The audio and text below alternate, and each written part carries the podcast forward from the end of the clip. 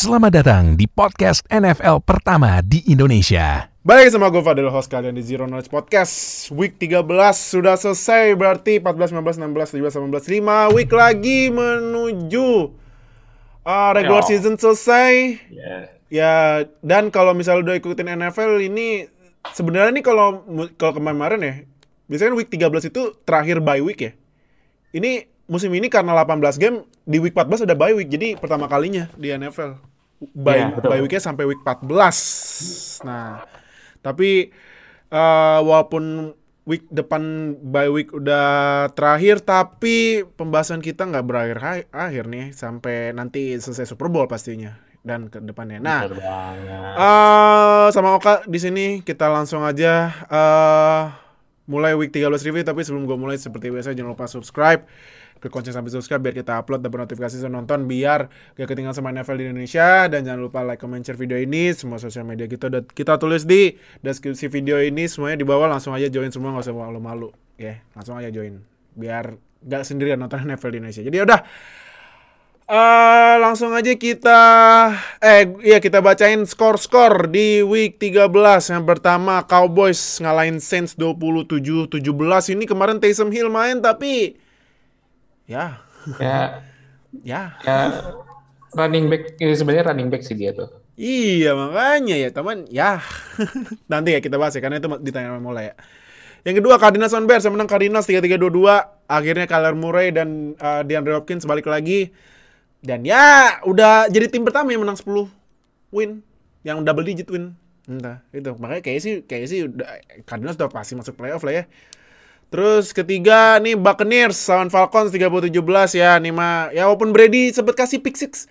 Itu enak banget sumpah itu pick sixnya udah cuma 3 yard pick six doang tapi ya, langsung gitu. ya. Tapi ya emang gimana ya? Falcons. Kayak Falcons being Falcons gitu. Iya makanya. ya. Terus Eagles lawan Jets menang 3 Eagles 33-18 walaupun kemarin Gak main diganti sama Minshew Mania dan Minshew Mania melakukan tugas yang baik sebagai backup QB ya. Nah, tuh mungkin lu tim jagoan lu yang butuh QB Nih Minshew ada nih. Kalau saya mah saya tim saya Steelers gak but nggak nggak usah Minshew. Dada ini dada QB yang yang di kampusnya di Pittsburgh lagi. Kemarin kan fake slide tuh keren. Nah, siapa tahu dapet kan. Tapi nggak tahu deh ini first round mau ambil QB atau OL. Kalau gue sih maunya OL. Karena OL ancur lebur. Nah, gitu. Saya tidak tahu nih QB-nya gimana nih situasinya gitu. Nah, next ini Dolphins lawan Giants menang Dolphins 29. Dolphins 5 4 eh 4 winning streak loh. Gila. Eh 4 winning streak ya? Iya, 4 winning streak. No, bukan nggak Eh, 4 apa 5 ya? Lima. 5 ya? Itu. Lima winning streak. Gila ya. Diem-diem loh Dolphins. Nih AFC East ketat ya kecuali Jets. Jets udah. Abisnya eh, Patriots menang kan kemarin, Bills kalah. Dolphins 5 winning streak. Wow, ini kalau Bills kalah lagi bahaya nih bisa disalip Dolphins. Ya kan? Hmm, benar. Next ini Gue mau baca skornya sama nasib timnya juga gimana gitu ya. Bisa nih Baca jagoannya baca baca baca. Nggak apa-apa. Colts bantai Texans 31-0 dan Texans jadi tim pertama yang tereliminasi dari playoff bukan Lions loh. Texans yang gak lolos pertama. Aduh, Kak. Gimana nih, Kak? Jadi jadi gimana nih? Lu misalnya nih jadi GM gitu kan. Dapat ini udah auto top 3 pick sih, ya kan? Tapi nggak tahu first first overall apa second apa third kan. Lu mungkin bahas dikit ya sebelum kita lanjut skor ya. Biar bahasan mungkin bahasan uh, singkat ya. Lu lebih pilih uh, draft defensive back karena kan tahun depan ini prospeknya bagus-bagus kan defensive back sama pass rusher ya. QB kan Allah Akbar, gua aja bingung siapa ini yang bagus ya. Bingung gua. Nah, lu lebih pilih uh, Kayvon Thibodeaux-nya Oregon atau Aid- Aidan Hutchinson-nya Michigan yang dia kemarin diumumin jadi kandidat pemenang Heisman Trophy. Eh, sebenarnya gue bisa gue prefer dua dua-duanya ya kayak dua-duanya tuh masih top prospect juga walaupun Hmm. kadang ada yang ada draft mock yang bikin Thibodeau nomor satu, ada Hmm. juga yang bikin Hutchinson nomor satu. Ya. Depends dari picks kita juga sih. Kayak kita ada di posisi berapa dan Iya. kalau misalkan bukan first overall pick ya tergantung dari tim yang di atasnya bakal ngambil siapa duluan. Ya. Jadi kalaupun misalkan nomor satu pick, uh, tim itu ngambil Thibodeau, ya kita dengan senang hati ngambil Hutchinson. Begitu juga sebaliknya. Oke. Ya, jadi I wouldn't mind uh, both of them actually. Jadi nggak terlalu uh, mendang-mending dengan salah satunya aja. Iya. Jadi siapa pun yang drop ke posisi kita, ya kita dengan senang hati bakal ngambil Oke. bakal pick itu. Oke. Karena ini kalau kalau ini ya kalau lo mau lihat update ini ya, update eh, draft order buat tahun depan lu buka websitenya tanketon.com. Tank ya, tank kan tanking. Ya, Tank. Texan. Tanketon, maraton, aton ya, aton ya. Ini Texan sementara ada di pick nomor 3. Nah, tapi eh karena gue ini ya, mungkin spesial kali ya karena kita udah masuk Desember juga kan. Jadi nanti abis gua bacain playoff picture, gua bakal bacain top 10 draft order sementara abis week 13 ya. Oke. Oke. Nah, Sip. oke. Jadi next ya, next kita ke game Lions. Lions menang. Eh, Eh, akhirnya Kok bisa? Lions. Kok bisa? Kok bisa? Ya Pak, Vikings Pak. Aduh, gue gue uh, sempet nonton satu touchdown terakhirnya dari Lions. Itu nomor 27 dari Vikings dia bengong, gak Iya. lihat. Terus habis itu kayak udah gitu gampang banget Jared Iya Goff buat parah. Parah banget, parah. Parah, parah. Itu, itu Amon Ra St. Brown ya kalau nggak salah. Amonra, ya. Amonra. Iya. Wah, itu tapi gue I'm happy with to the Lions man. Iya. Kayak mereka tuh pantas gitu dapat akhirnya dapat win gitu walaupun Iya. nggak 0-16 lagi akhirnya ya. Iya. Ya setelah menderita gitu kan 12 week akhirnya kemarin menang. Detik-detik terakhir 0, eh tinggal satu detik lagi ya akhirnya ya akhirnya Dan Campbell bisa senyum ya dan juga kemarin itu buat tribut juga kan kemarin menangnya buat ini buat para korban ya di sayang banget apa Di eh, Oxford. sayang sekali tuh apa eh, penembakan di sekolah apa Oxford ya yang ada yang meninggal itu salah satunya Ya, Apa? ya, ya, jadi tribut dari Dan Iya. Campbell buat para Iya. korban-korban Iya, di semo- itu. Ya semoga para korban bisa eh, diterima ya. Nah, eh tapi ya Lions Lions menang dan masih masuk masih ada kesempatan masuk playoff loh. Texas. Ya kita ada di divisi susah pak, Iya sih, iya sih. susah. Jadi Kalau ya gua- gue heran. Iya kalau gua cek ya, eh, ini di AFC ini yang losing recordnya itu cuman Jets, Texans sama Jaguar cuman tiga loh. Sedang eh sama ini Dolphins, Dolphins masih losing ya. Tapi Tapi ya- Dolphins lagi winning rate, winning winning streak ini 5 winning streak gila ya. Nah, di NFC yang losing record itu ada Eagles, Giants, Seahawks, Vikings, Bears, Lions, Panthers, Falcons, Saints 9, tim loh. Pusat NFC Ya. lagi lemah banget ya, eh, musim ini ya. Gampang banget Iya jadinya. makanya. Jadi jadi kenapa Lions masih masih ada kesempatan masuk playoff karena ya ya yang losing record banyak 9 tim. AFC 4 tim makanya Texans duluan yang out gitu. Kalau bisa pada iya. bingung ya. Itu. Nah, next ini Chargers dan Bengals yang menang Chargers 41-22 padahal Bengals udah bikin 22 poin unanswered loh. Chargers sudah mimpin 24-0. Bengals ngejar du- 24-22. Eh, tahu-tahu RB fantasy saya fumble. Kalah saya di fantasy. Ah, udah winning streak enak-enak tuh si Mixon. Ah. Malah kalah 40 sa- sa- kalah saya sama Bengalsnya gitu. 41-22 Chargers menang. Nah, next. Ini pertandingan seru banget nih Seahawks lawan 49ers 23-30 seru banget sumpah nih kalau lu, lu gue saranin lu, lu nonton highlight Seahawks uh, 49ers ini bener-bener gamenya chaos sih chaos banget parah apalagi Seahawks sempat bikin fake punt touchdown keren loh dan juga Oh. dan juga ini kayaknya ini apa eh revenge ya karena kan pas musim 2019 kan eh Seahawks kalah gara-gara one yard line ini 49ers juga kalah karena one yard line Nah, Ah. revenge nih, revenge ya kan.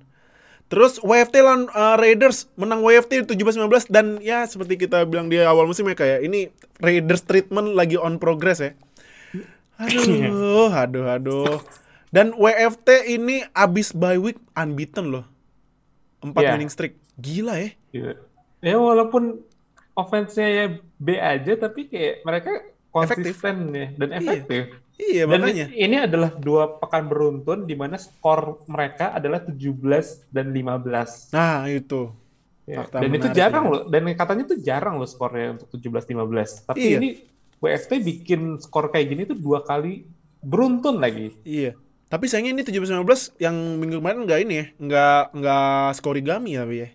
Ya enggak, Iya. 17 termasuk umum lah. Umum ya, iya. T- Tapi ya walaupun kemarin kehilangan tight end ya Logan Thomas eh, yang sayang banget tuh padahal udah sembuh tapi WFT sekarang masuk playoff picture loh. Nanti gua bacain di akhir ya, akhir podcast ya. Next ini Rams lawan Jaguars ah ini mah Rams ah Bang. dia mah Akhir- gampang. Dan itu kayaknya pertama kalinya Ramsey balik ke Jacksonville. Eh, tapi mainnya di uh, LA Ini di ya, tapi ya. LA, LA. Ya, revenge game lah. Revenge Revenge, game. Eh, Rams menang 37-7.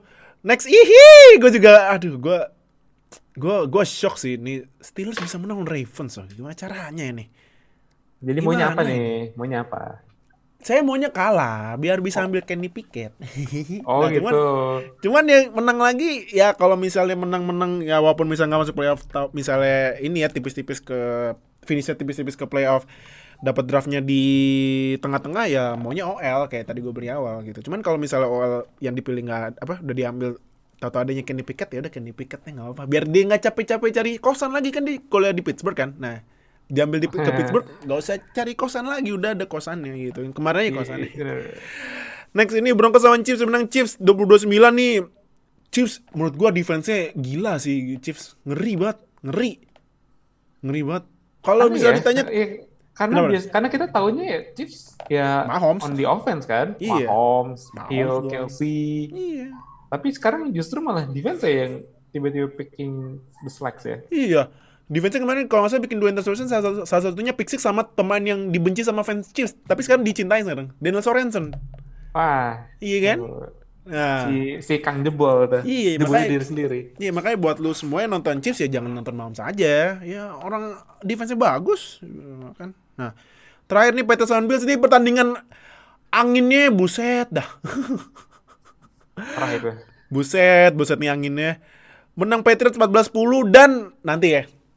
Fak ini ini ada fakta yang sangat-sangat menarik nih di Patriots. Apa ya QB atau Mac Jones Hmm. habis pakai the Patriot way gitu kan. Tapi nanti ya kita bahas. ya. Nah, yaudah kalau gitu kita langsung aja mulai. Yang pertama ini Cowboys lawan Saints 27-17. Aduh, Taysom Hill 4 interception nih. Aduh. Siemian di- dimainin zong. Taysom Hill dimainin zong. Jadi gimana nih Saints? Pasti ke sih kalau menurut gue kan Saints bakal tetap pakai James Winston ya buat ke depannya ya. Tapi Kayaknya iya, ah. tapi eh gimana ya Saints buat kalau menurut nih, menurut Saints musim ini apa lupain aja playoff atau harus kejar masih kejar playoff? based on QB conditionnya sekarang, forget the playoff. Nggak Forget the ada- playoff ya. nggak ada lagi itu. Karena Hmm. di- eh, dalam tiga weeks mereka itu bakal ngelawan Buccaneers sama Iya. lawan Dolphins, Iya. which is tergantung dari situasi uh, beberapa pekan setelahnya. Dolphins lagi on fire, Buccaneers ya ada Brady lah, ya, tahu kita. Mhm. The rest of the week ya ada Jets, Panthers, Falcons. Ya it's masih lumayan enteng, tapi gua rasa mending Saints forget the season aja lah, karena gue ngeliat kayak tanpa Winston justru tuh kayak hilang arahnya tuh, nggak konsisten QB play-nya. Mhm. Karena setelah Winston cedera di week 8 ya kalau salah, lawan Buccaneers, Iya, benar. Benar benar Iya. benar benar benar. mereka udah kalah lima kali, beruntun. Iya, makanya. So, ya forget the season untuk musim ini lah. Coba lihat dari pick musim depan, siapa tahu bisa dapat draft tinggi. Iya. Eh kalau gue cek ini Chiefs eh Chiefs kok Chiefs Saints Saints Saints Saints Saints. Saints lagi di pick nomor 11. Nah, Hmm. Kalau mau jelek lagi bisa top 10 ini Saints. Ya kan? Eh, kalau Cowboys ini eh akhirnya menang lagi ya. Yes. Cuman eh enggak cuma sih, tapi kalau menurut gimana nih Cowboys buat eh kalau A, A- eh, AFC eh NFC East kan dia emang yang sendirian winning record ya. Hmm. Tapi kalau lihat dari rekornya nih NFC East WFT lagi kenceng nih larinya nih 4 winning streak nih Cowboys next game Cowboys next gamenya lawan siapa nih Cowboys Cowboys ini next game lawan WFT. Ah, kebetulan nih. Wah, ini menurut tuh next game ini Cowboys ibaratnya kayak make it or break it uh, game gak nih buat menangin NFC East. Karena WFT lagi hot streak banget nih. Iya, empat dari lima pertandingan terakhir mereka bakal ngelawan NFC East ya. Jadi Iya, benar, ini benar, benar, benar, benar. bakal menentuin banget untuk uh, susunan divisi. Dan gue rasa poin yang bisa gue ambil dari kemarin di pertandingan lawan Saints adalah gue rasa udah saatnya Cowboys untuk lebih prioritasin Tony Pollard. Tony Pollard bukan Zeke. Uh, I'm afraid ya, benar. Karena gue pun ngelihat ketika mereka main tuh Tony Pollard lebih lebih eksplosif, kayak Iya sih. lebih apa ya, lebih gesit lah gitu. Hmm. Dibandingkan Zeke yang kayaknya banyak lebih banyak dipakai buat short uh, short run gitu deh, Short run ya, power iya. run Hmm. di antara guard sama tackle, terus habis itu dia tembus gitu. Mhm. Dan sedangkan Pollard bakal lebih banyak dipakai sebagai speedy running back. Bakal dia main ke sideline to sideline terus habis itu dia dapat catch lebih banyak dapat catch dibandingkan Zeke. Mhm. Dan dia juga main dia juga sempat main uh, beberapa kali main special team juga dan Iya. kayaknya sempat rasa return touchdown juga ya. Kalau nggak salah ya.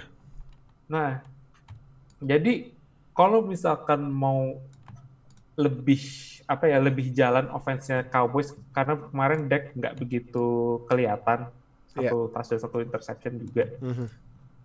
Gua rasa mereka coba lebih kreatif aja sama running game mereka, terutama cara mereka pakai Tony Pollard itu harus lebih apa ya lebih uh, bervariasi dibandingkan game-game kemarin. Hmm, oke oke oke. Berarti kalau gitu Cowboys mendingan eh, ini ya, apa eh, bagi dua split carry ya. 50-50 bisa. sebenarnya. 50-50 ya. Karena kemarin itu eh kemarin Zik itu lari 7 eh 13, Pollard 7 masih ya masih condong ke Zik ya. Cuman yang lebih efektif ya Tony Pollard, Iya. ya kan? Oke, eh, next ya. Next kita ke ini. Falcons lawan Buccaneers yang menang Buccaneers 30-17. Aduh. Ini eh Falcons yang tadi gue bilang udah dikasih bola sama Brady masih juga nggak menang. Tapi yang kemarin ini yang mantep Gatwin ya dia mecahin rekor. Mecahin rekor franchise-nya ya kemarin itu Gatwin bikin 17 kali nangkep 15 uh, 15. Eh 15 kali nangkep sorry, 17 kali di target ya. 15 kali Ya. nangkep, 143 receiving yards tapi nggak touchdown. Nah, eh ini kan kalau gua cek ya, Brady 51 kali lempar. Eh Gatwin di target 17, Evans ditargetin 10.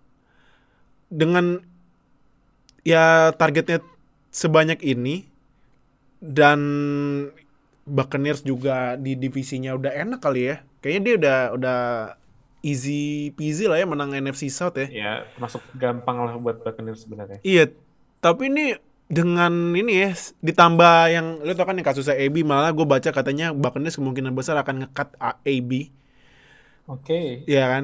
Nah, Oke, ini duo Evan sama Godwin emang gacor, tapi menurut lu siapa sih WR ketiganya yang cocok nih? Apakah harus pakai Gronkowski jadi WR ketiga karena kemarin dia bikin dua touchdown apa gimana nih? Karena sisanya nih lu kalau gue lihat ya eh, WR-nya yang lain ya cuman satu, cuman tiga, cuman satu, cuman tiga, iya satu sama tiga ditargetin ya. Apa apa gini loh? Karena kan gue cek eh, cara mainnya Brady kan sekarang Gatwin Evans Atau enggak Fournette sekarang disuruh nangkep bola juga kan? Iya. Nah, kalau menurut tuh se- apa main sesuai yang dipakai sekarang apa harus butuh WR ketiga buat bantu support lagi? Enaknya Buccaneers sekarang adalah mereka bisa main dengan dua receiver aja plus dua tight end itu Mhm. dan itu it's uh, it's okay. Iya. Jadi dengan adanya Gronk itu walaupun terkadang statsnya nggak begitu kelihatan, tapi efeknya tuh dia benar-benar ada gitu loh buat offense uh, dari Buccaneers. Karena Mhm. selain dia bisa nangkep, dia juga bagus banget dalam hal blocking. Iya. Karena ya badannya Gronkowski gede banget pak, soalnya 6'6", eh, 200, eh, 250 pounds atau lebih gitu. Jadi mereka kalau misalkan ditanya apakah mereka bakal sering pakai set eh, apa formasi tiga receiver, ya nggak akan selalu sih dengan AB yang bakal kena suspension dan kemungkinan bakal di-cut Iya. dan mereka pun juga punya tight end yang sebenarnya bisa dipakai buat main dua dua set tight end itu. Selain ada Gronk juga ada Cam Braid. Kayaknya gue nggak tahu OJ Howard ke mana ya. Karena Iya. gue dulu sebenarnya lumayan suka sama OJ Howard waktu dia keluar apa masuk draft. Ah. Tapi kalau misalkan harus dipilih siapa WR3-nya buat Buccaneers, mungkin aja mereka bakal coba Tyler Johnson atau Brashad Perryman atau mungkin Ronald Jones atau Joe Bernard bakal dipasang sebagai receiver. Mhm. Jadi kalau misalkan apa WR, siapa WR3-nya ya mungkin di antara mereka lah. Hmm, oke oke oke oke. Eh, Falcons. Sudah saatnya Falcons cari nih- QB sih. Aduh, QB ya. QB. Nah, ngomong QB nih, misalnya nih Falcons ngedraft QB. Nah, yang tadi gue bilang QB kan tahun depan prospeknya nggak jelas nih ya. Nggak jelas banget, ya kan? Hmm, hmm. Tapi kalau misalnya harus disuruh pilih, pilih siapa? Ada kalau kalau gua kalau gua setahu gue ya yang prospeknya lagi bagus tuh kayak Matt Corralnya Ole Miss, Malik. Willisnya Liberty, Carson Carson Strong masih bagus ya. Carson Strongnya Nevada, Kenny Pickettnya Steelers, eh kok Steelers, eh siapa tahu kan, udah- siapa udah tahu. Udah berharap ya, udah ada berharap Siapa ya. tahu ya kan. Nah, Kenny Pickettnya Pittsburgh maksudnya Pittsburgh Panthers. Nah, kalau lu jadi GM-nya Falcons, ambil siapa nih? Atau personnya ambil ini aja lah, apa? eh pass rusher lah atau si- siapa gitu. Karena QB-nya nggak jelas. Posisi mereka sekarang di draft ada di posisi Draft di posisi ke 8. Hmm. Kalau misalkan masih di top 10, ya kayaknya mungkin nggak QB dulu ya, tapi di defensive player mungkin. Karena mereka butuh juga uh, pemain playmaker di defensive side of the ball. Tapi ya QB-nya Matt Ryan, aduh, gue gue pun juga udah kehabisan kata buat ngedefend dia ya, karena Ah. beberapa musim lalu gue sering banget ngedefend Matt Ryan yang banyak yang bilang dia wash atau dia udah nggak mampu lagi jadi franchise QB. Tapi uh, he proved me wrong beberapa musim lalu. Tapi musim ini dia udah uh, udah habis waktunya. Kalau misalkan gue harus kasih uh, satu katanya, habis. sebenarnya. Jadi tergantung dari siapa QB yang paling ini ya, yang paling menonjol dan apakah Falcons pengen sama QB itu. But ya kalau misalkan posisi 8 lebih prefer untuk coba ambil defensive ball eh defensive player Defensive player ya. Falcons, ya. Defensive back atau pass rusher? Pass rusher.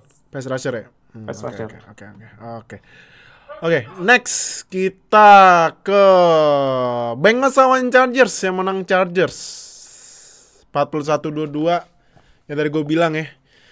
Udah ngejar ini ya dari do, ketinggalan 24 0 jadi 24 22 tapi ya sayang sekali. Tapi nah ini Chargers nih.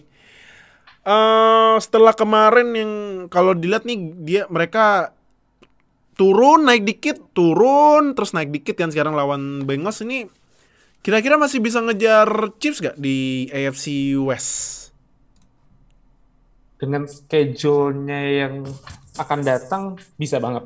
Bisa banget Karena ya.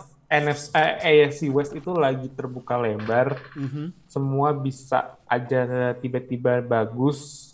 Ada yang bisa tiba-tiba bagus, ada yang emang lagi eh, apa mempertahankan performanya dia. Mhm. Chargers bakal lawan Giants, Chiefs, Texans, Broncos sama Raiders. Uh, Yes, schedule-nya termasuk easy lah, termasuk easy. Kalau dibandingkan sama Chiefs itu mereka ada lawan Raiders, terus ya Chargers, lawan Steelers, Bengals dan Broncos. Jadi schedule-nya Chiefs itu tergolong lebih berat dibandingkan Chargers. Hmm. Peluang menangnya masih 50-50 karena dua tim ini sebenarnya uh, on paper itu bagus banget. Cuman ya ada satu dan lain hal yang bikin mereka nggak fulfill their promise gitu. Mhm. Chargers 75, Chiefs kalau nggak salah 7 uh, 84 ya. 84. Iya. Jadi eh, mungkin yang perlu dinote dari Chargers adalah mereka harus coba lebih konsisten aja ya, lebih konsisten. Offense-nya gue akuin salah satu yang paling bagus dengan Herbert Eckler, eh, Keenan Allen, Allen juga, Mike Williams ya. Mike Williams. Mereka punya weapon, tapi gue agak khawatir sama defense-nya karena Iya sih. mereka itu bottom five uh, scoring defense bottom five Kebobolannya gede banget ya. kebobolannya banyak dan mereka tuh ya selalu kayak pass defense juga eh rushing defense itu kayak nggak ini loh nggak konsisten juga dan salah satu bottom tier running defense di NFL Iya, jadi running defense jelek isu banget. isunya adalah di situ. Isunya adalah running, uh, running defense mereka itu harus lebih bagus dibandingkan sebelum-sebelumnya. Mhm. Wal- eh, walaupun sebenarnya be- dalam beberapa game selanjutnya ini mereka uh, lawan Giants itu gue nggak komentar gue itu kayaknya easy win deh tadi. Ah, oke. Nah, But, kalau ini Bengals walaupun kalah ya, tapi kan mereka masih di peringkat masih masuk playoff picture ya. Nah, oh ya kalian juga konyol ya karena turnover juga kan. Cuman ini Bengals kesempatan masuk playoffnya dengan AFC North yang ketatnya. Aduh, ini sebenarnya AFC North sama AFC West ini sama, cuman bedanya Steelers ada serinya aja. Iya kan? Seri Nah. sama itu lagi. Iya, serius sama yang kemarin baru menang ya kan. Nah, tapi eh Bengals bakal masuk playoff gak? lagi-lagi gue nggak eh, nggak berani jawab karena divisi ini benar-benar ketat banget dari atas sampai bawah Hmm. dan Bengals pun lagi sebenarnya pas sebelum kalah itu juga lagi on form banget lagi on fire Iya, sekarang tuh mereka mereka ada masih di posisi dua kan? dua. di jadi North. dan mas dan Ravens juga tadi ki- kita udah sebut kalau mereka nggak bisa aja kalah lawan lawan tim lo Iya, tim gua. jadi still wide open buat AFC North gue sebenarnya suka banget sama Joe Burrow musim ini dia uh, balik balik lagi ke performanya dia sebelum injury Iya. tapi dia masih sering banget uh, turnover prone, masih sering bikin turnover dan semoga lebih konsisten aja ya karena uh, di saat kayak gini tuh konsistensi is key buat semua tim, buat semua tim yang mau masuk playoff kan. Jadi Konsis eh, konsistensi dan juga sehat. Sehat. Nah, itu dia. Oke. Nah, eh langsung ya next kita ke dua prime time game yang pertama ini Chiefs lawan Broncos yang menang Chiefs 22-9 Chiefs 5 winning streak. Tapi yang mau kita bahas adalah defense ya. Kita nggak usah bahas Mahomes karena ya Chiefs bukan Mahomes saja. Iya. ini Chiefs anjir defense keren banget nih. Gua- Dalam 5 winning streak nih menurut lo apa sih yang berubah dari defense Chiefs yang tiba-tiba jadi salah satu defense terbaik di NFL nih sekarang? mereka uh, mulai bisa bikin turnover. Mereka d- dalam kalau nggak salah sejak week 5 lawan Hmm. Buffalo Bills di mana mereka dua, di rekor 2-3, mereka Iya. udah menang 6 dari 7 pertandingan Iya. dan semuanya itu defense-nya bikin turnover. Mhm. Jadi salah satu uh, satu kuncinya adalah mereka bisa ngerebut bola dari lawan dan juga uh, walaupun gue nggak uh, terlalu ini ya apa ya kayak defense-nya tuh nggak banyak berubah banget kecuali dalam beberapa pemain kayak uh, Nick Bolton lalu juga ada gue lupa Ini Frank Clark, Frank Clark lagi, bagus banget, Frank Clark. ya ada Frank Frank Clark Clark juga. lagi bagus banget. ah. Tapi secondary-nya juga lagi entah kenapa kayak ada perubahan signifikan dari performanya mereka ya. Kayak Bener bener bener. bahkan Daniel Sorensen pun bikin picks, Bikin gitu. pick six loh. Heeh. bikin pick six. Jadi eh, scoring defense-nya juga salah satu yang paling bagus dalam lima pertandingan terakhir. Mereka cuman kebobolan dua digit point itu cuman dua games Aha. dalam dalam lima winning streak mereka. Jadi ini ya pertanda bagus gue buat Chiefs. Hmm, tapi gue nggak tahu nih offense-nya nih kok kenapa naik turun naik turun. Oh iya bener juga ya. Iya iya iya. iya. Ya gue concernnya di situ aja sih kayak kenapa sih offense ini kok nggak ah, nggak sejalan musim lalu gitu loh. Mahomes ke mana terus habis itu Tyreek ke mana Tyreek Iya, Tyreek kemarin juga dia ini kan yang uh, Mahomes bikin interception gara-gara dia lagi dia lagi kan nangkep nggak bisa apa Butterfinger, licin. Iya. Nah, Ya, jadi emang di situ sih harus mereka offense-nya harus kembali coba nemuin lagi performanya kayak musim-musim Mahomes as usual. aha. Tapi defense-nya itu salah satu improvement banget sih, salah satu improvement dari musim lalu yang benar-benar jebol banget dari Chiefs. Hmm, oke oke. Broncos, aduh, Broncos, Broncos ini gimana Broncos ya? Gua akan keep this Gimana? short and simple. Hmm. Broncos is a fraud. Fraud ya. Fraud. Padahal udah tiga winning streak awal tapi ya ampun. Cuman faktor utamanya deh satu aja faktor utama Broncos jelek tuh nap apa ya? Bridgewater, Bridgewater juga ya emang kayak gitu. Tapi menurut lu apa sih yang yang bikin Broncos ngaco banget nih? uh, defense-nya nggak se ini ya nggak nggak Gak se-hype yang dulu ya? hype yang kita kira ya Aha. kayak kita kira bakal no fly zone 2.0 tapi masih bagus but Mhm. not as good as we thought uh, mereka bakal kayak gimana tapi offense-nya emang yang struggling karena saya. Bridgewater nggak akan uh, bikin kita wow gitu loh. Nggak akan kayak bikin stats yang luar biasa gede kayak Rodgers, Brady dan segala macem. Iya. Tapi har- tapi ya itulah Bridgewater. Cuman itu doang yang bisa kita dapat. Iya. Dan gue pun ngerasa kayak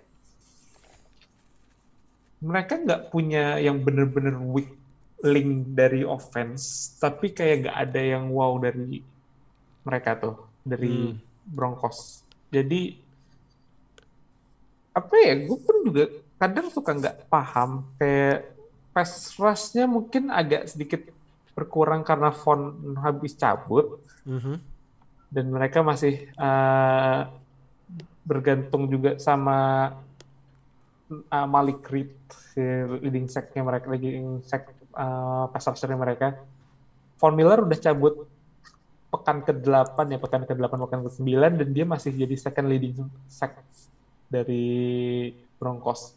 Mhm. Jadi pass rush-nya juga salah satu yang kurang sih. Dan mungkin karena kita terlalu berharap banyak gara-gara tiga quote unquote winning streak-nya melawan Giants, Jaguars sama Jets di awal musim, Mhm. itu yang bikin kita mungkin berharap oh mungkin Broncos kita nggak boleh ngeremehin mereka nih.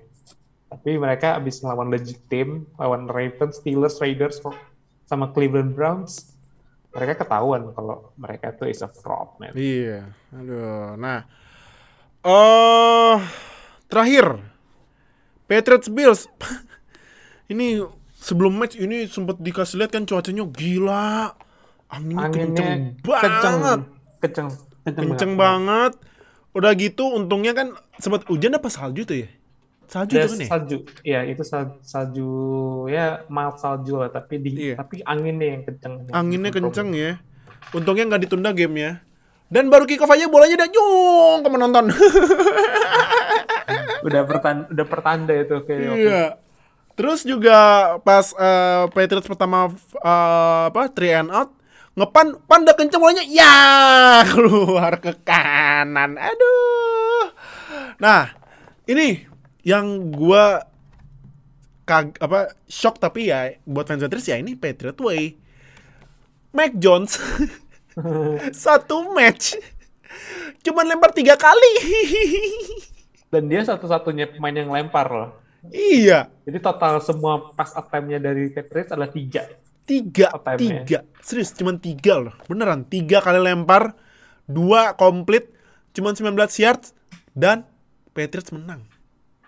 Ya ampun Bills Bills. Nah ini kalau run play-nya dihitung berapa nih run play-nya? Ya gue coba hitung dulu ya. Run play-nya ada 24 eh, 34 eh Ya, Iya 40 34, total- 38, total ada 39, 40, 46 kali rushing yard. Ah, 46 kali rushing dan juga 222 rushing yard. Gila Jadi tuh. over 200 yards rushing. Gila. Nah, ini kalau menurut lu ya, kalau udah cuaca kayak gini emang mendingan yang penting menang aja apa gimana nih? Tiga Well, kali doang loh dan menang. Iya.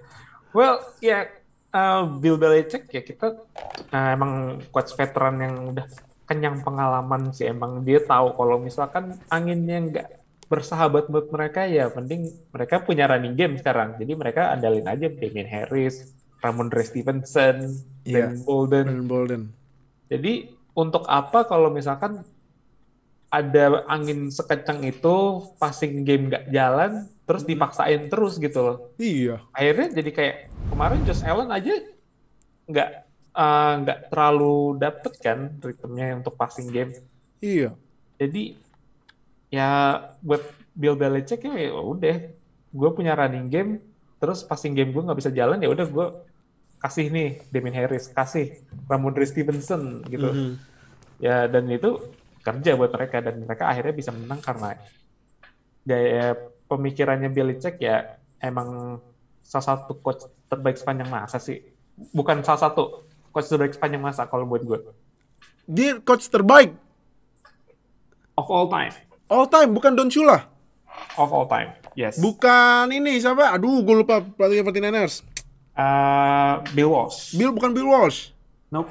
Bill Oh. Belichick. Bill Belichick ya. Wah. Karena 20 tahun bisa pertahanin se- dinasti se- kayak Patriots ya walaupun ada yang bilang ya dinastinya kan dibangun dengan Brady Iya. tapi Brady udah cabut eh sekarang Patriots kembali lagi ke habitatnya sebagai. Iya. Jadi menurut gue Bill Belichick is the greatest coach of all time Hmm, wow, oke. Nah, eh Bills ini, aduh, Bills padahal udah mimpin enak-enak, eh tau Patriots lagi-lagi bagus, ah elah si anjir kan gitu kan Bills ibaratnya nih. Di kalau gue cek di AFC East ya, yang tadi gue bilang Patriots oke win menang tujuh kali beruntun. Dolphins bahaya loh lima kali beruntun. Ini Bills next game akan ketemu Buccaneers mampus. itu alamat buruk sih Dolphins next game ketemu Jet. Ya ampun Jets. Ini Ayo lo, panik Bills- dong Bills Mafia. Nih Bills nih Bills menurut lu bakal masuk playoff apa enggak nih? Dengan momentumnya Dolphins 50-50 gue juga gue 50-50 juga, ya? gue juga masih harus uh, lihat juga momentumnya Dolphins setelah nanti mereka kan bye week. Jadi Iya. apakah bisa dipertahanin kayak sekarang atau justru malah habis bye week malah jadi al jadi ini turun. Mhm. Back to Buffalo Bills. Um, lagi-lagi gue uh, noting mereka tuh kayak nggak punya running game lagi. Mereka Mhm. tuh coba ngandelin Singletary dan Zach Moss itu nggak cukup buat mereka. Josh Hmm. Allen nggak bisa kerja sendiri dan mereka, gue merasa mereka tuh perlu run- running back yang bisa main power. Hmm. Kan- karena dua-duanya nih running back mereka sekarang tuh nggak bisa jadi kayak goal line running back gitu loh. Jadi power running gitu nggak bisa. Jadi mereka butuh lebih banyak physicalities dengan power running dengan power running dan juga eh selain Dix mereka perlu juga receiver yang bisa bikin contested catch ya. Jadi Mhm. main one on one gitu mereka harus bisa. Dan gua rasa selain Dix hmm, Sanders lebih ke speedy, Beasley lebih ke slot. Mhm. Jadi mereka perlu yang bisa lebih fisikal lagi baik di running back sama juga di receiver. Hmm, oke oke oke. Oke. Ini bahaya sih beneran Bills kalau Dolphins abisnya ya schedule-nya ibaratnya udah ya sebenarnya terakhir ketemu Patriots bahaya nih ya kan. Nah, Cuman ini dua game next game ya ibaratnya yang satu Jets ya kan. Satu Iya. lagi Saints, Saints lagi turun ya kan. Ini kalau kalau Bills nggak manfaatin nih sisa game ketemu Panthers, Patriots lagi kan. Eh, eh, Buccaneers, oh Buccaneers susah lagi kan. Hmm. Bahaya nih ntar. Eh, Bills mungkin bisa- ya mungkin unrelated ya, tapi gue baru aja ngecek jadwalnya Jets. Mereka dalam lima pertandingan terakhir bakal ngelawan Dolphins, Buccaneers dan juga Bills. Jadi mereka mereka kayaknya bakal jadi samsak gitu deh. Iya. Tim-tim yang lagi pengen masuk playoff. Iya makanya nih Jets atau biar bisa aja jadi apa kejutan kan bisa Jadi jadi, spoiler ya, jadi spoiler. jadi spoiler bisa nah itu review week 13 kita nah jadi gua bakalan bacain playoff picture ya di abis week 13 dari NFC dulu kali ya. Karena dari kemarin AFC sekarang kita, kita NFC dulu. Yang pertama itu seat pertama Cardinals seat kedua Packers seat ketiga Buccaneers seat keempat Cow sebenarnya ini sebenarnya sih ya NFC perubahannya cuma satu doang sih. Seat keempat Cowboys seat ketiga eh seat kelima Rams seat keenam WFT uh kaget kan? Legit ya. kaget kan tapi ya kalau gue sih kalau gue udah kalau gue nonton udah nonton semua ya gue nggak kaget WFT unbeaten habis bye week ya kan Yes. Seat ketujuh 49ers. Nah, AFC ini yang banyak berubah nih. Seat pertama Patriots langsung dah tuh gue baca di komen kan. Ih, siapa tuh di pucuk? Siapa tuh di nomor satu? Eh, ya dah, ya, ya dah, ya dah. Oke. Seat kedua Titan, seat ketiga Raven, seat keempat Chiefs, seat kelima Chargers, seat keenam Bengals, seat ketujuh Bills langsung jeblok loh Bills gara-gara kalah ke seat ketujuh. Nah, sesuai jadi gue tadi gue bakal bacain uh, posisi top 10 draft order ya buat tahun depan ya setelah week 13. Yang pertama Detroit Lions. Yang kedua Jaguars, yang ketiga timnya Oka Texans. Yang keempat, nah ini nih. Ini dari 4 sampai 7 ini streak picknya nih. Ber- beruntun maksudnya. Ya. Keempat Jets. Kelima seharusnya Seahawks tapi karena trade-nya Jamal Adams jadinya itu picknya buat Jets. Seahawks. Tuh Ngapain? Ben Jet, tuh Ben Jet bikin smart trade gitu. Iya smart trade gitu ya, iya. Lagian Kang Jamal ngapain nih? Seat ke-6 itu seharusnya Bears, tapi karena trade siapa ya yang jadi Giants ya? Yang kemarin itu pas uh, Bears naik ke posisi 11 buat Justin Fields. Justin Fields ya? Iya, iya, iya, iya, benar-benar. Ternyata Justin Fields ya. Jadi yang seharusnya di 6 itu aslinya picknya Bears, sekarang jadi Giants. Seat ke-7 Giants. Jadi itu seat apa? Ah, sorry. Uh, pick keempat sama 5 Jets. Pick ke-6 sama ke-7 Giants. Ini New York emang solidaritasnya tinggi banget ya. Ya walaupun dua-duanya nggak dari New York, iya sebenarnya Iya, sebenarnya sih di New Jersey ya. New Jersey tapi beda ya. Udahlah tapi sesuai nama aja. Iya dah. ya. Oke. Pick ke-8 Falcons, pick ke-9 Panthers, pick ke-10 Vikings. Nah, itu top 10 draft ordernya ya. Jadi thank you yang udah nonton di YouTube, thank you juga udah dengerin audio di Spotify. Jangan lupa seperti biasa subscribe, klik lonceng sampai subscribe biar kita upload dan notifikasi langsung nonton. Biar nggak ketinggalan sama NFL di Indonesia. Like, comment, share video ini. Join semua sosial media kita udah kita tulis di deskripsi video ini. Eh, udah sisa 4 minggu lagi makanya yang tadi gue bilang langsung aja join. Gak usah malu-malu. Thank you Oka yang udah join. Thank you Thank you semuanya. so See you di minggu depan ya. Dadah. Bye everyone. Terima kasih telah mendengarkan podcast NFL pertama di Indonesia. Sampai jumpa di podcast edisi selanjutnya.